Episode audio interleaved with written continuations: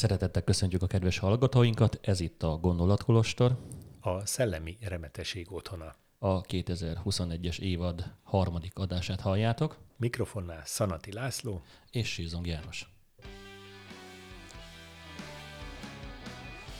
És hát természetesen a mai adásnak is van egy nagyon jó témája. A digitális terek. Bizony, ezt fogjuk kivesézni, de mindjárt, hogy bele tudjunk vágni a témába, tisztáznunk kell egy nagyon fontos kérdés, János. Hány éves vagyok? Honnan jöttél? Ugye a digitális világban az életkorok meghatározása az egy fogalomrendszer alapján működik. Én a boomer kategóriába tartozom, mert bőven elmúltam 50 éves, magadat hát próbáld. Magamat pedig megpróbál besorolni az X generációba valahogyan. Akkor te alig múltál 40. Uh, igen, mondjuk. A uh-huh. digitális terekkel fogunk foglalkozni. János, itt a definícióban már persze beszéltük, hogy honnan is undanak ugye a, a digitális felhasználók, honnan jönnek, és ugye van ez a felsorolás, hogy a veterán, a boomer és az X, X generáció, hát nyilván persze utána még van az Y generáció, Z generáció, és még ki tudja mennyi. Szerintem az alfa, most a legújabb az alfa, nem? Amikor átmegyünk a görög ABC-be. Valaki, biztos, biztos, valaki, valaki biztos benszülött lesz. Na azt mondja, hogy te boomernak vallottad magadat, ugye? És azt mondjuk, hogy ők teszik ki a legnagyobb hányadát a munkaerőpiacnak, életük derekán találkoztak az internettel. Mikor találkoztál János az internettel? Hát az internettel a 90-es évek elején, gyakorlatilag ahogy elkezdődött az internet korszak, a behívós, betárcsázós, prüttyögős modemek világába, amikor még telefonvonalon kellett csatlakozni. És volt saját internetetek egyébként? Otthon volt. is, vagy csak a, a munkahelyen? Nem, éppen, hogy otthon volt, a munkahelyemen nem volt. Én egy nagyon modern, innovatív gondolkodású emberként élem az életem, és én akkor úgy éreztem, hogy az internet az valahogy a jövőbe visz át. A jövő nagyon érdekelt, és otthonra előfizettem internetre. Ó, nagyon helyes. Na nézzük, csak azt mondja, hogy az internettel körülbelül 30-40 évesen ismerkedtek meg. Igen, ez pont így történt. Igen, és a munkavégzés, munkavégzésükhöz és a hétköznapjaikban is egyre gyakran használják az internet adta lehetőségeket.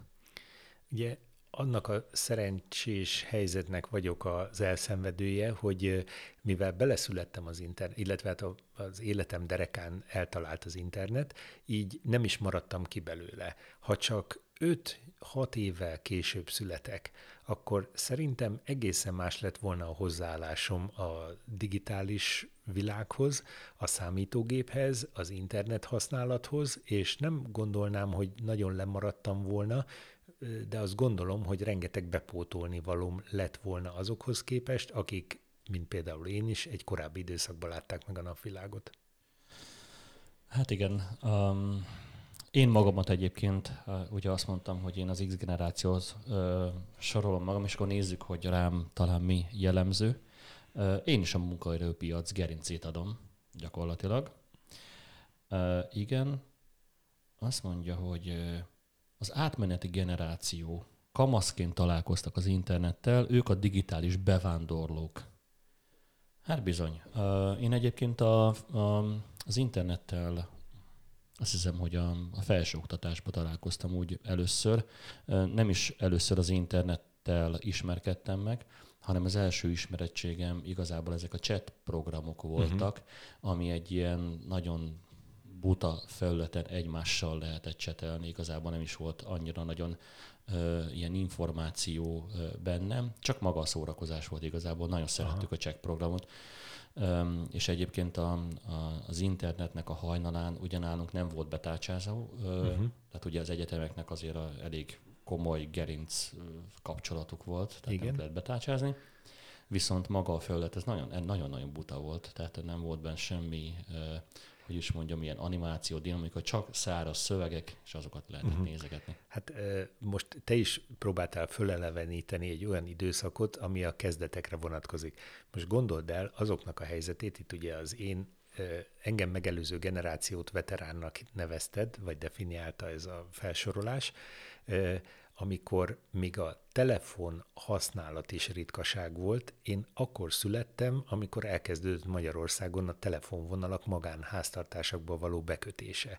És ehhez képest akkor még létezett a Telex Fantázia nevű dolog, Ugye azt tudjuk, hogy nem egy internetes portál, hanem egy olyan e, híradás technikai eszköz, ami papírra írja a gépelt szöveget, illetve lyukszallagot lyukaszt, és ezt lehet visszaolvasni, illetve amikor én elkezdtem dolgozni, akkor még a faxok sem léteztek, és például a telefonvonalra kötött faxok üzembehelyezéséhez a szocializmusba rendőrségi engedély kellett.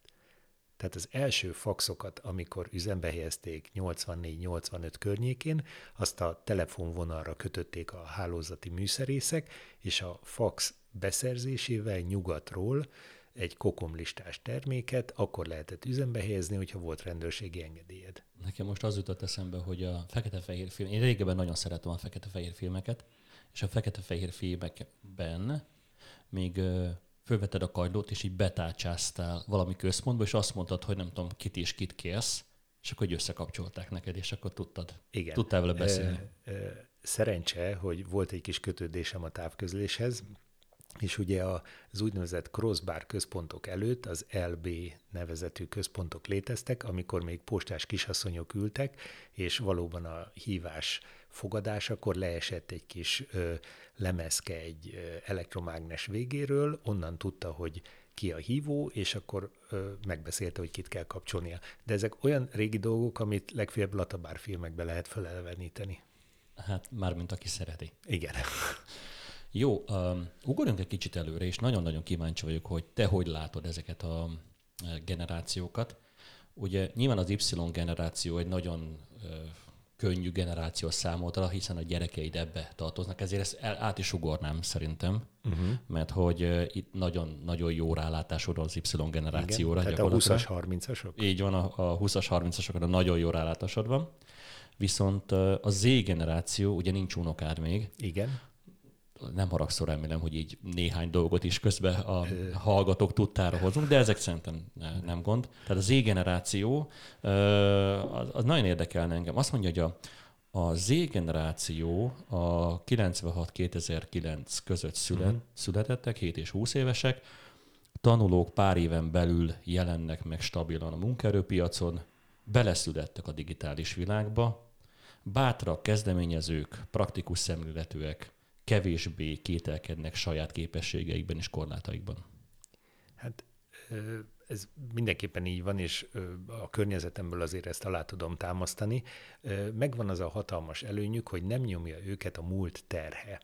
Nem nyomja az, amiről az előbb beszéltünk, hogy hogy fejlődött a távközlés száz év leforgása alatt, milyen hálózatok hogyan kapcsolódtak össze, mennyire gyorsult a sebesség, a szabad, szabadság lehetősége, ugye nem függsz a telefonközponttól, nem függsz körülményektől, IP protokollokon keresztül próbálod megtalálni a világba a helyedet, és ezek a fiatalok szerintem szárnyalni fognak a jövő fejlesztésében, mert, mert a képzeletük semmilyen skatujában nem sorolható, szabadon alakítják. Egyébként szerintem mennyire megbízhatóak ezek a fiatalok? Így már, mint a digitális világ szempontjából. Hát ez egy nagy teher, mert uh, ugye ők azt látják, illetve amit látnak, azt hiszik el valóságnak, vagy azt fogadják el valóságnak, miközben tudjuk, hogy uh, egyre inkább átszövi az életünket a digitális világba való kétkedés, vagy annak a lehetősége.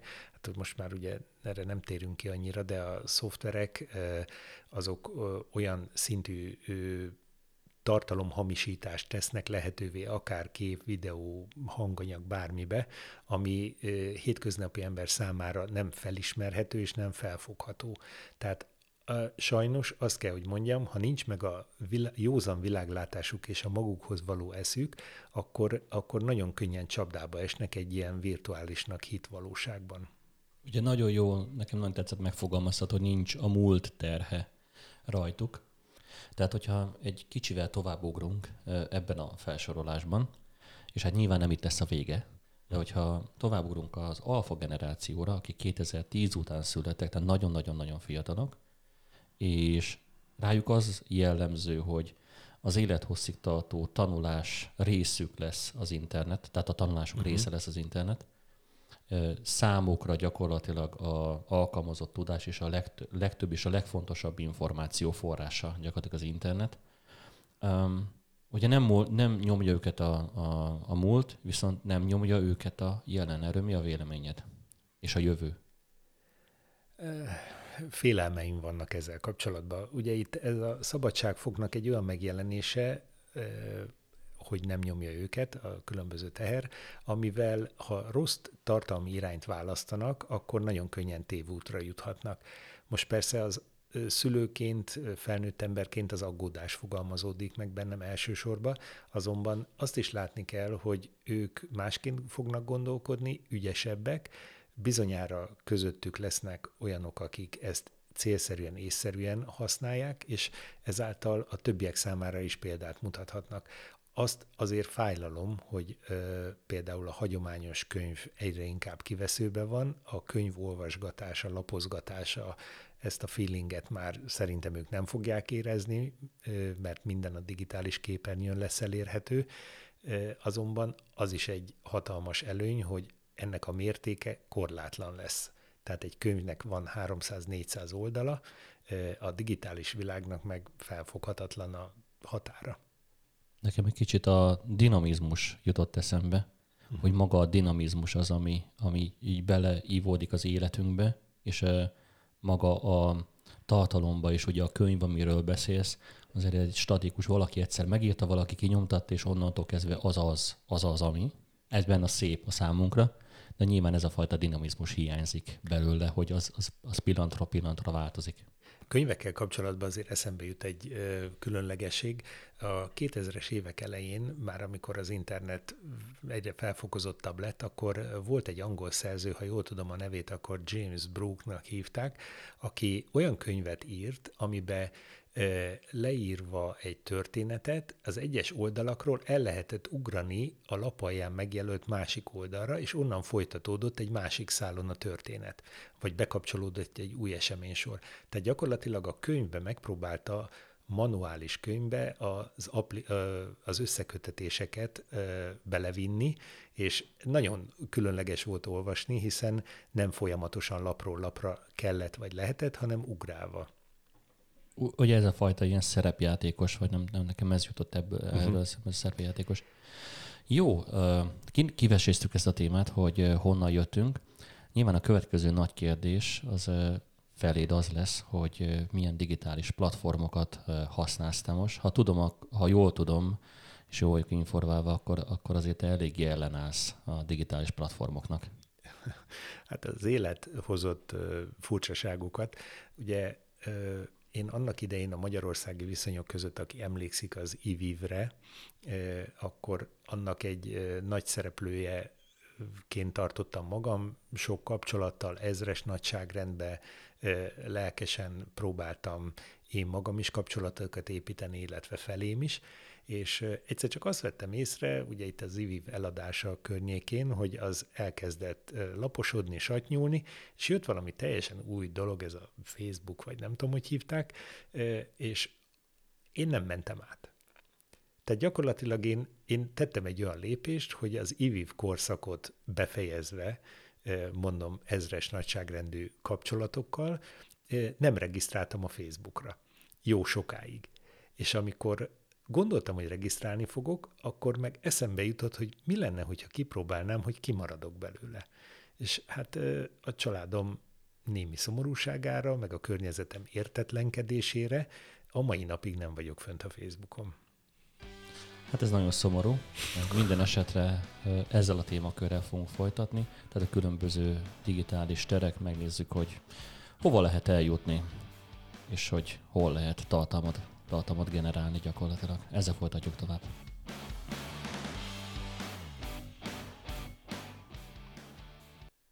No, tehát ott hagytuk abba, hogy a különböző online platformok, persze későbbiekben beszélhetünk nem csak az online platformokról, hanem akár a mobil kommunikációról, beszélhetünk itt a gépek közötti kommunikációról, uh-huh. ami nyilván hatással lesz majd az életünknek.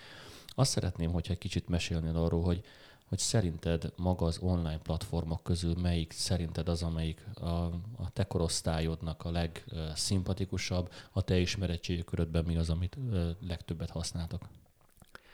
Megváltoznak a szokások. Ugye mi tévénézésen nőttünk föl, ahogy itt említetted, még a fekete-fehér képernyőt is ismertük, majd ez átment egy digitális tartalomfogyasztásba a weboldalakon keresztül. Nagyon sokat olvastam, olvastunk weboldalakat. Nézem még tévét egyébként? Jó kérdés.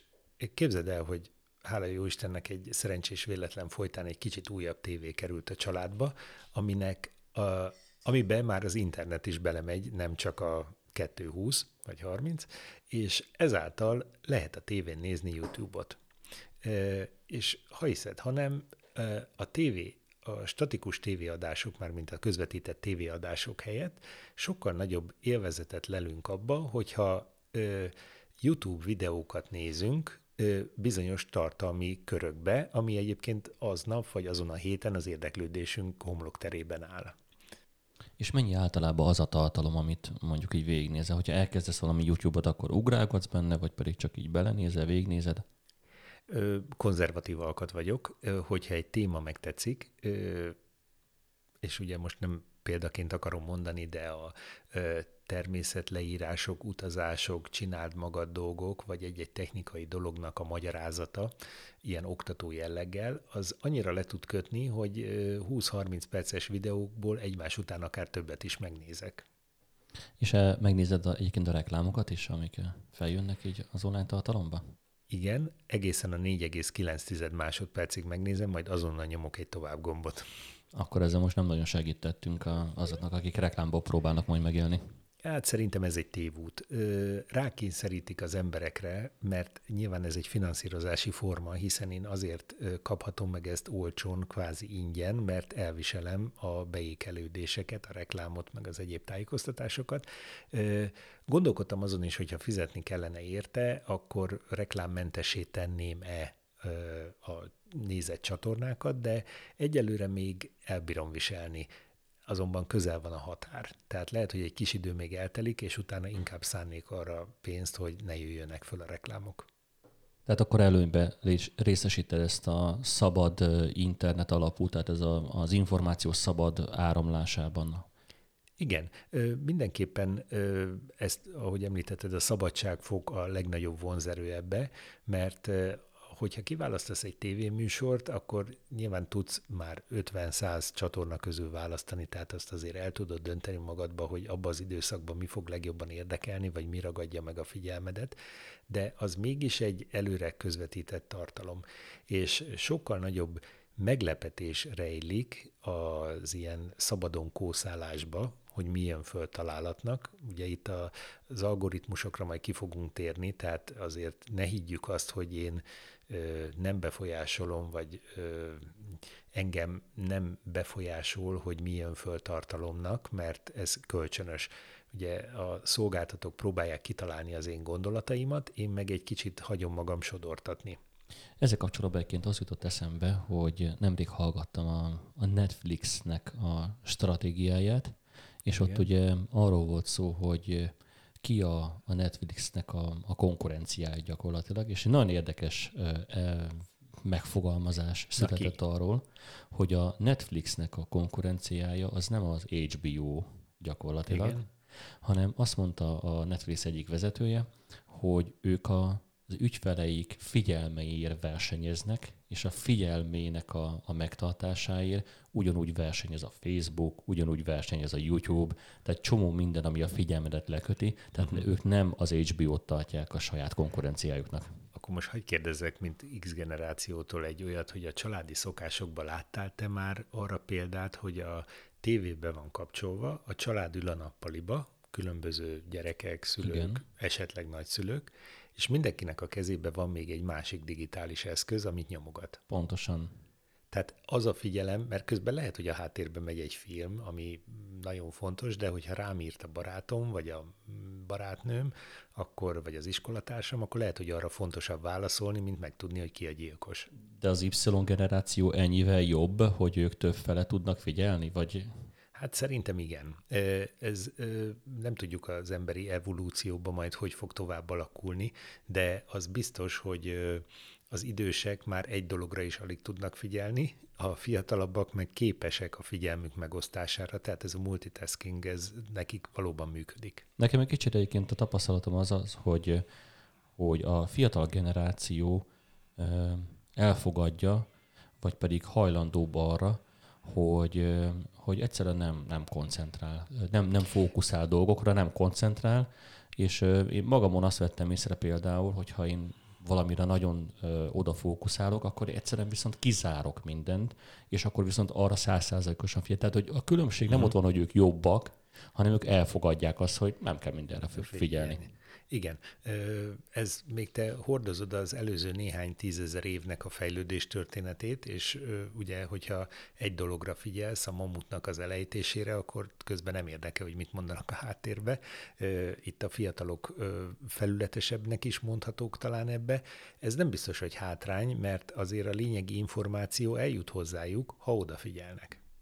Beszélgettünk a, az online világról, és nyilván az online világon belül rettenetesen sok applikáció és felület jelenik meg és tűnik el, némelyik sokkal, mm, hogy is mondjam, a népszerűbb, a másik pedig kevésbé népszerűbb. Uh-huh. Beszélgettünk uh-huh. a Facebook és az e is. A, viszont az online világon kívül szerintem melyik az a trend, ami most a, ami most a legfontosabb az online platform, a platformokban, a digitális platformokban? Hát nem tudom, de talán a robotika, az ilyen gépekkel való kapcsolat? Vagy ebbe lehet, hogy te vagy a jártasabb? Igen, szóval a gépekkel és a, a robotikával való kapcsolat szerintem most a legdinamikusan fejlődő, dinamikusabban fejlődő része a digitális tereknek. Nyilván ezért, mert, mert hogy a munkánkat, az életünket azért alapvetően befolyásolhatja, hogy milyen minőségű és hogy mennyi időt töltünk munkával. Uh-huh. Um, azonban um, ezek a területek nem annyira alkalmasak arra, hogy uh, akár az a klasszikus fajta információ terjed, nyilván nem erre uh, valók. Uh, ám bár um, az életben nagyon sok helyen használjuk, legyen itt mondjuk a közlekedés, uh, az egyik példa. A közlekedésben is ugye nagyon sok ilyen digitális platformot használunk, ami ezen a, a gépek közötti kapcsolaton alapul. Hát gép-ember közötti kapcsolaton, mert hogyha kiállsz egy busz megállóba, akkor már nem a menetrendet fogod nézegetni, hanem a telefonod jelzi, vagy legfeljebb a busz megállóban lévő felirat, hogy az ott elhelyezett GPS adásából mennyi idő alatt fogod érni a jármű. De ennek a, a kapcsolatban, vagy ennek a platformnak a működtetésében egyébként ember nem játszik szerepet. Itt most csak a maga a kijelző és a, a közlekedési eszköz közötti kommunikáció történik meg, és az azt látod te ott kírva, hogy mikor jön a következő villamos, mondjuk. Igen. Na most, hogyha minden gépünkben, eszközünkben, berendezési tárgyunkban, ugye ez az IoT területe, bekerül egy adatkommunikációs lehetőség, akkor már őrületes tárháza nyílik ki annak, hogy otthonról, bocsánat, távolról el tudod-e indítani az otthoni mosógépet, vagy bármilyen eszközt, vagy esetleg az magától elindul, majd lehet, hogy erre egy energetikai példát szívesen felhozok. Hát nyugodtan mondjad, akár most hát, az energetikai példát. Ugye a villamos energia termelés az pillanatról pillanatra történik. Gyakorlatilag 50 Hz-es szabályozással a fogyasztói igényeket ki kell tudnunk elégíteni. A termelőknek nagyon rosszul esik, hogyha hirtelen megnő, vagy hirtelen elkezd csökkenni a az igény a villamos energia iránt. Ezért nagyon fontos lenne minél több olyan gépet tudnunk használni, amely távfelügyelettel, akár a te akaratodból, akár a szolgáltató akaratából bekapcsol vagy kikapcsol.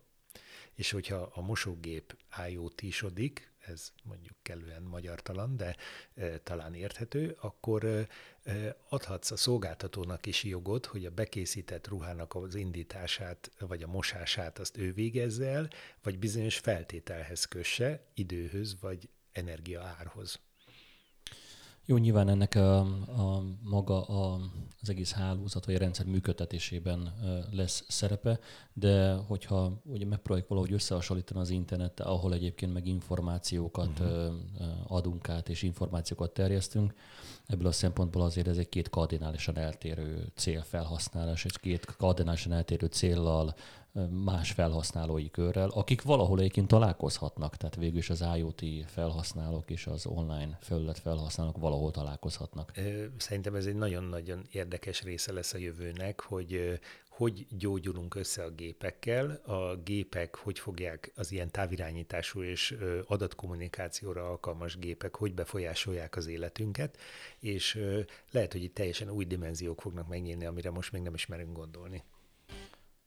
Az előzőben tehát a különböző digitális platformokról beszélgettünk, eljutottunk az online felületektől egészen az IoT-ig, és a következő részben rá fogunk térni magára a digitális tartalomra, amit a különböző felületeken tudunk majd terjeszteni, és akkor itt szeretnénk egy picit belekanyarodni magába a város, a digitális városba, hiszen maga a digitális város akkor valahol megjelenik tartalommal.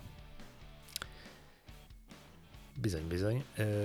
És akár mindegyik platformon megjelenhet tartalommal. Igen, jól ö, fogod meg a témát, hogy a város, ö, a digitális város, a digitális városlakókkal és a digitális eszközökkel milyen szövetet tud alkotni. Mennyire sűrű szövésű ez a szövet, és milyen adatáramlás zajlik közöttük. Ezzel a témával folytatjuk.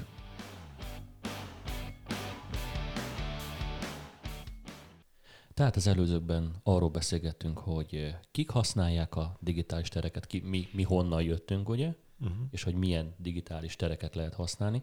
És a most a következő utolsó részben, az utolsó, a mai adásunk utolsó részében kicsit próbáljuk eh, bele csatolni most ide a digitális várost, hiszen a digitális város eh, emberekből, digitális platformokból és digitális tartalmakból áll, mi a legfontosabb szerinted egy város számára az, amit digitalizál?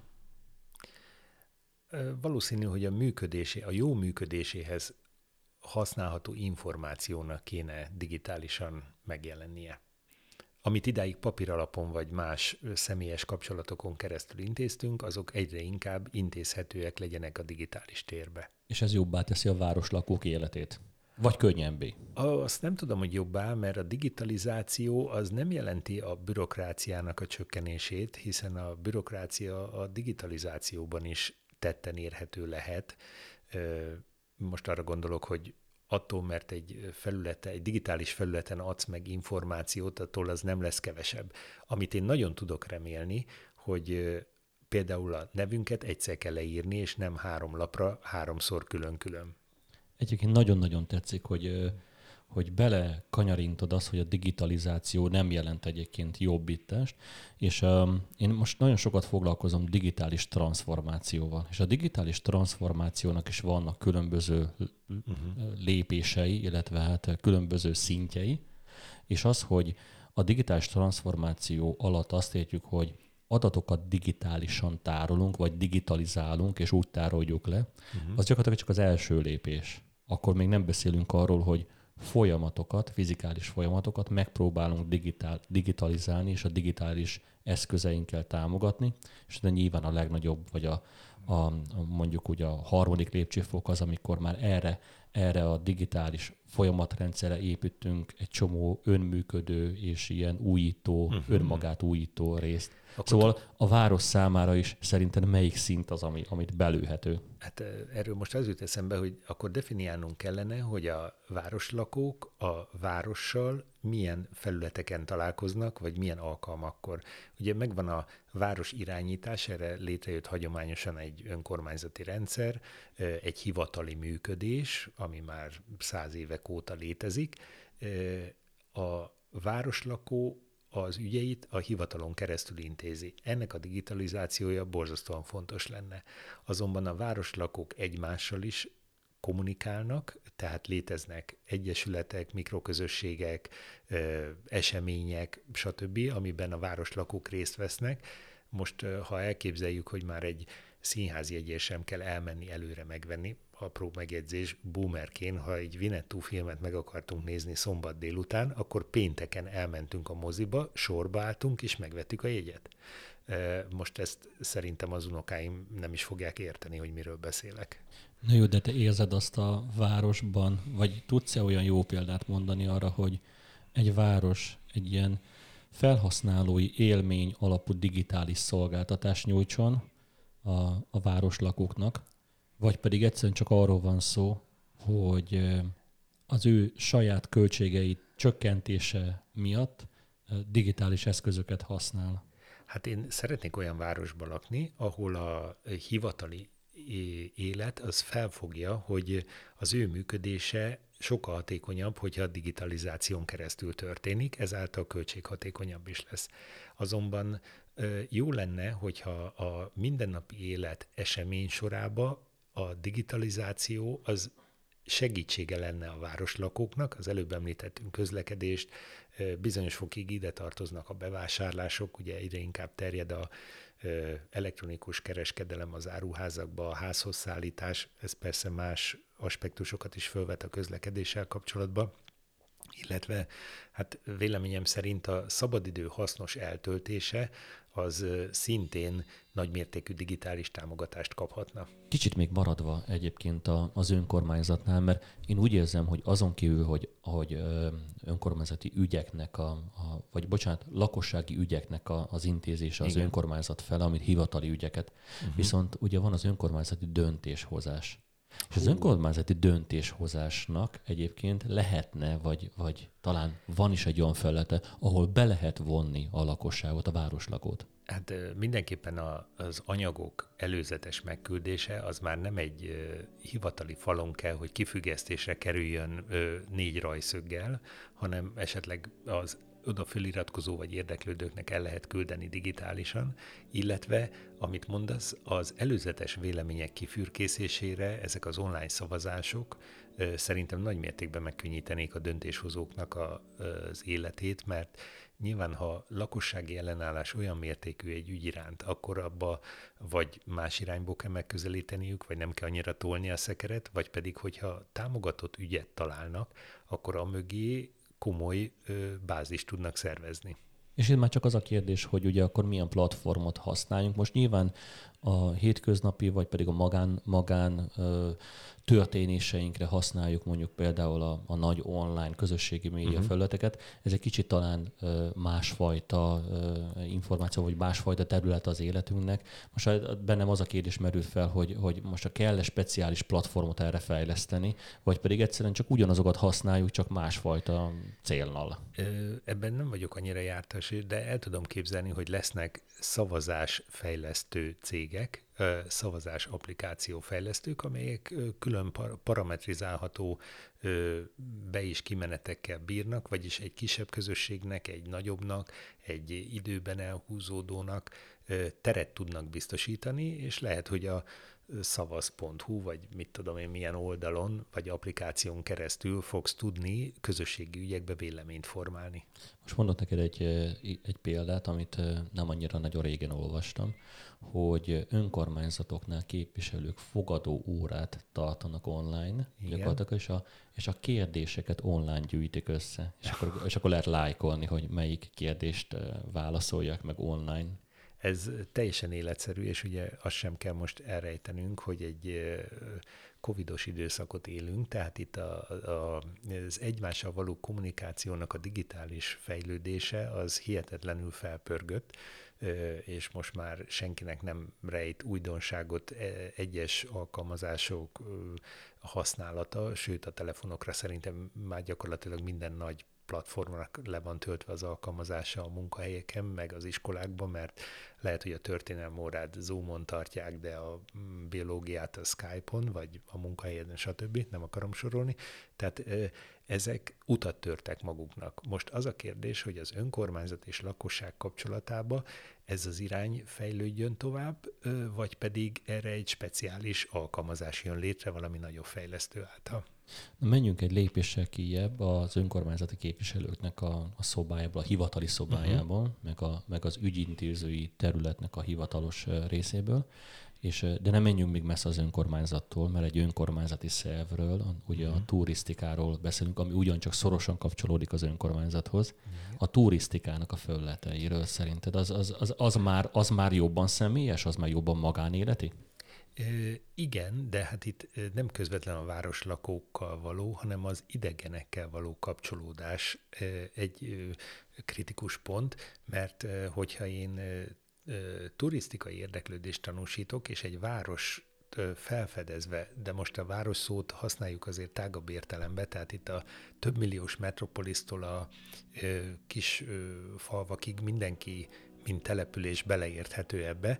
Én azt gondolnám, hogy nekem szükségem van azokra a városá, városok, települések által létrehozott platformokra, amelyek turisztikailag ki tudnak szolgálni. De akkor te a helyi turizmust, vagy a helyi turizmus fejlesztést, azt most akkor egy országon belül értjük, vagy pedig érthetjük a helyi turizmus fejlesztést egy városon belül is, vagy településen belül? Hát érthetjük, hiszen a, a turizmusnak egy apró szegmense a napi, heti turizmus, amit a városlakók bonyolítanak a saját közösségükbe. Tehát az, hogy például a szabadidő észszerű eltöltésébe parkokat látogatnak, állatkerteket, részt vesznek programokon, kirándulnak, az mikroturizmusként fogható föl. Ha elutaznak valahova, akkor már egy másik várossal kerülnek kapcsolatba, de ugyanezt az utat járják. És itt akkor azt gondolom én, vagy a tapasztalatom az azt mutatja, hogy itt igazából ugye a, a promóciók és a különböző eseményeknek a meghirdetése igazából a legfontosabb ö, tartalom, amit így, ö, amit így, amit lehet terjeszteni az online térben de te használnál-e, vagy neked lenne igényed valami másfajta turisztikai célú meg, információra, online információra? Ugye most felhozzuk azt, hogy a közlekedés az mennyivel könnyebbé vált, amikor még lovaskocsinek hószekéren jártak az emberek, Petőfi Sándor elment Debrecenbe, stb. Tehát ez fölfoghatatlan távolságokat és feladatokat jelentett. Most fölülünk egy repülőre, beülünk egy autóba, egy gyors vasútra, azonban ez felelőtlenséget is okoz. Tehát véleményem szerint túl sokat közlekednek az emberek feleslegesen egy jó néhány olyan ö, élményt tudnának szerezni digitálisan, amiért nem kell feltétlenül elutazni. Ö, ugye most ö, a bezárások miatt akár a koncerteken való részvétel digitális formája, ami persze nem ugyanaz az érzés, de mégiscsak egy részvétel, az már bontogatja a szárnyait. Hogyha most én fölveszek egy VR szemüveget, és be tudok járni olyan településeket, amelyekre hát az elutazásom az vagy bonyolult, vagy költséges lenne, akkor kapok egy elsődleges élményt, azonban, hogyha a kíváncsiságom tovább csigázódott, akkor előbb-utóbb el fog oda menni valóságba is, de lehet, hogy úgy fog dönteni, hogy köszönöm, ez az élmény nekem megfelelő volt. Vagy hát a különböző, például most eszembe jutott a különböző múzeumoknak az online bejárása, ami nagyon érdekes, hogy egy másfajta felhasználást tesz, tesz lehetővé. Ugye, ha most kimondottan csak a múzeumokra gondolunk, annak uh-huh. van egy nyitvatartási ideje. Igen. Ha mindezt online-nál tesszük, akkor a nyitvatartási időt azt mindjárt 7 per 24-be is tehetjük gyakorlatilag. Igen. Most ilyen kulturális kapcsolatokat találunk meg legkönnyebben. Valószínű a, a kultúra, a helytörténet és a helyi érdekességek sokkal nagyobb szerepkört fognak tudni kapni. Így, ahogy mondod, nem kell elmenni a British Múzeumba vagy a Louvre-ba, hogy te valójában végigjárd. Itt azért az élménynek egy korlátozottsága van ma még de nem tudjuk, mert vélemezem, hogy a digitális fejlődés ezt az élményt nagy mértékben ki fogja tudni terjeszteni, és lehet, hogy már nem sokba fog különbözni a Mona Lisa-nak a megtekintése, egyébként ami most is egy agyrém, mert sorba kell állni érte, és egy 15 méterről egy üvegfal mögött látott, tehát az élményed most is korlátozott, ahhoz képest meg lehet, hogy digitálisan sokkal közelebb tudsz menni, és részletgazdagabban tudod megtekinteni. Egyébként ez teljesen igaz, hogy digitálisan lehetne egy új fajta élményt adni, és akkor, a, és akkor eljuthatnánk oda, hogy a fizikális élmény, tehát hogy elmegyek valahova, és fizikálisan látom, megérintem, megszagolom, és az, a, az amit digitálisan, az egymás mellett is tudna létezni. Hogyne. Ebbe például az oktatásnak kitüntetett szerepe lehet, hiszen most az a hagyományos tananyag, ami szintén könyvekbe, papíralapon alakult ki, az szerintem robbanásszerűen digitálissá fog válni, és lényegesen nagyobb spektrumot fog felölelni, tehát hogyha akár a zeneirodalom, a művészettörténet, vagy bármi más igényli azt, hogy részletgazdagabban kapcsolódj egy tudáshoz, akkor, akkor ezt meg tudod tenni digitálisan és menjünk akkor még kéjebb, ugye most már szinte minden önkormányzati épületből ki tudunk menni, uh-huh. és csupán azokat a szolgáltatásokat nézzük meg, amit az önkormányzat esetleg nyújthat, vagy egy város nyújthat a városlakók.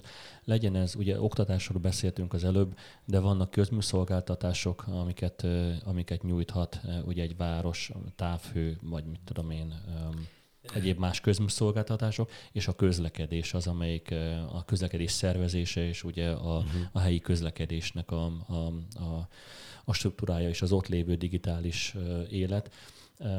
Mit gondolsz, hogy ezeket, ezeket érdemese most itt belevenni, vagy ez már annyira távol van attól a, attól a, a, a digitális és online élménytől, amit, amit mi mint klasszikusan. Nem, egyáltalán nincs távol. Ugye túl népesedtünk, túl népesítettük a városokkal a világot. A földből a városlakók 50%-a már bocsánat, a lakosok 50%-a a városokban él, tehát egyre kevesebb a kisebb településeken, kisebb közösségben élők aránya, és ez magával hozott káros következményeket ha a klímaváltozás hatásaira gondolunk, és egy városra vetítjük, akkor nem csak a hőszigetek, az éjszakai le nem hűlő városok képeit látjuk magunk előtt, hanem egy zsúfolt, zajos és hektikusan mozgó bolyt, amelyben a digitális tartalomnak valamilyen szabályozást, irányítást kellene átvenni. Arra gondolok, hogy Szerintem ez gyorsan meg fog oldódni az elektromos autóknak a bejövetelével, hiszen a, az elektromos közlekedés, vagy az elektromos alapú közlekedés, az már magába fogja hordozni az előbb említett IoT technológiák tömkelegét, az egymással való kommunikációt, és ennek bizonyára fejlesztő, jobbító hatása is lesz. Ugye összefoglalva nagyon sok különböző digitális tartalom, különböző platformokon keletkezik, azok ott, ott, ott léteznek gyakorlatilag. Vannak a felhasználók, a, a különböző digitális érettséggel rendelkező felhasználók, és ugye alapfeltevésünk az, hogy végül is mindenki kiválasztja magának azt, amit szeretne. Tehát azokat az információkat abban az időben, olyan, össze, olyan összetételben, olyan, hogy is mondjam, egymáshoz kapcsolódó interakciókban, ahogy uh-huh. ő mhm. szeretné. Az lenne egy érdekes kérdés, hogy, hogy kellene ezt felülről irányítani, tehát hogy ki, mikor, milyen információt, mivel kapcsoljon össze, és hogy uh-huh. hogyan Hát nézzük meg, hogy mi történt idáig. A digitalizációt valaha irányította felülről valaki? Megpróbálta felülről irányítani? A, a digitális, hogyha a tartalmat nézzük, Igen. a digitális tartalom, tartalom keletkezésnek pont az volt a, az egyik alapvető feltevése, hogy legyen szabadon elérhető, és legyen szabad, szabad uh-huh. gyakorlatilag a digitális tartalom. Nyilván ezzel most biztos vitatkoznának azok a művészek, akik esetleg mit tudnak, zeneműveket, filmeket terjesztenek digitálisan, és hogy nyilván a, a hozzátartozó alkotói jogokat próbálják uh-huh. védeni, de hogy, de hogy gyakorlatilag a digitális tartalomnak pont az szerintem a lényege, hogy, hogy egy szabadon mozgó. Akkor ez az alulról való építkezést sugalja. Fölülről legfeljebb csak szabályozással, vagy jó irányba tereléssel lehetne ezt befolyásolni, erőszakkal semmiképp. Itt a technikai előretörések, fog, erő, előretörések fognak még ö, utat mutatni, hiszen hogyha egy ö, ö, technikai fejlesztés lehetővé teszi számunkra egy új ö, platformnak, közösségnek vagy ügynek az elérését, akkor azt használni fogjuk. Ugye régen a telefonjaink, említetted a vezetékes telefonokat, betárcsázós telefonokat. Most ugye csak egy apró példa visszagondolva, hogy az, hogy a telefonba be fog épülni a GPS, és be fog épülni a fényképezőgép, és ezt nem kell három külön eszközként vinnünk egy családi kirándulásra, az nekem még a 2000-es években se volt meg. Tehát én azt kétkedve fogadtam, hogy ez majd annyira magas high-tech módon fog létrejönni, hogy valóban nem kell egy jó digitális kamera, valóban nem kell egy GPS, és a családi kirándulások mégis élvezhetőek lesznek. Na de most, amit ez, ez az én számomra így, így jelent, hogy egy digitális tartalom bőségben élünk, uh-huh. és hogy rettentő nehéz kiválasztani azokat a, a platformokat, vagy azokat a tartalmakat, vagy tartalom részeket, amik utána, amiket én értékként tudok használni az életemben. Ezért gyakorlatilag egy olyan szituációba keverem be akár a városlakókat, uh-huh. hogyha visszatérünk ugye a digitális Igen. városra, hogy hogyan tudná eldönteni ő azt, hogy most éppenséggel mire van szüksége. Tehát, hogy most hogy milyen, milyen tartom, milyen információ van egyáltalán szüksége. Egy, e, ebből a kontextusból egy mhm. plusz értékként bevéve a felülről szervezést, és nem, nem a korlátozás szempontjából. Igen. Hát, lehet, hogy ez két irányból fog majd lebonyolódni. A város, a hivatal, az önkormányzatiság részéről lesz egy hiteles közlés, amit az érdeklődők számára nyújtanak, tehát hogyha te valóban érdeklődsz egy város iránt, akkor a hiteles információt az önkormányzatiság fogja megadni. Bízunk benne a, mi pedig a város lakóktól jövő információ, vagy más odalátogatottaktól jövő információ, az meg fenntartása hiteles, de tegyük föl, hogy az is elfogadható, és ebből fogsz tudni leszűrni egy mixet. Megint egy apró példa. Google Earth hajnalán, amikor ez megjelent, és ha jól emlékszem, akkor ez már a 2000-es évek közepe volt, én például órákat töltöttem azzal, hogy légi felvételeket nézegettem. Valószínű sokan mások is voltak. Majd jött az a funkció, amikor az ott elkészített, vagy valahol elkészített fényképeket fel lehetett tenni és utána egy olyan szórakozás alakult ki bennem, hogyha valami érdekes területet találtam, akkor bekapcsoltam a fotó funkciót, és azt a képsűrűséget néztem meg, amit az adott helyről feltettek. Vagyis ha sok fénykép volt mások által lefényképezve és fölrakva, akkor az fölkeltette az érdeklődésemet. Ha nem, akkor tovább görgettem. Ez nagyon érdekes felhasználás. Mondjuk nekem erről az ötlet eszembe, hogy most már a telefonomon eh, be lehet kapcsolni a azt a funkciót a Google-nek, hogy megmutatja, hogy az utóbbi időben hol jártam. Igen. És akkor, akkor oda kapcsolódó eseményeim, vagy csináltam fényképeket, oda beteszi, és akkor azt tudom egy ilyen, ilyen idővonalban és a térben is elhelyezve gyakorlatilag. Nagyon érdekes ez, hogy... Na most, ha erre rákapcsolódik egy város, és mondjuk az ilyen tartalmakhoz ő tud újabb eseményeket küldeni vagy generálni, és esetleg lenne még egy olyan gomb, hogy ahol jártál, ott legközelebb lesz-e valami esemény, és azt téged érdekelni fog-e, akkor valószínű ez a kapcsolat nem csak egyedi lesz, vagy egyszeri lesz, hogy jártál ott és kész, hanem szorosabbá tud szövődni. Aha. Minden esetre, ugye, ha arról beszélünk, hogy digitális kommunikáció, akkor az számomra nagyon fontos, hogy ne csak egy irányú legyen, tehát ne csak egy közlés oldalú, hanem legyen egy párbeszéd, és ennek nagyon jó lehetősége a különböző digitális platformok. Igen, de itt megint vissza kellene térnünk a hitelességre. Kitől fogadsz el információt, és annak mennyire bízol a valóság tartalmába? Nagyon szépen köszönjük, eh, hogy ma velünk tartottatok. Ez a Gondolatkolostor. Amely a szellemi remeteség otthona. És a mikrofonnál Silzong Jánost hallottátok. És Szanati Lászlót. Várunk titeket a következő adásban is.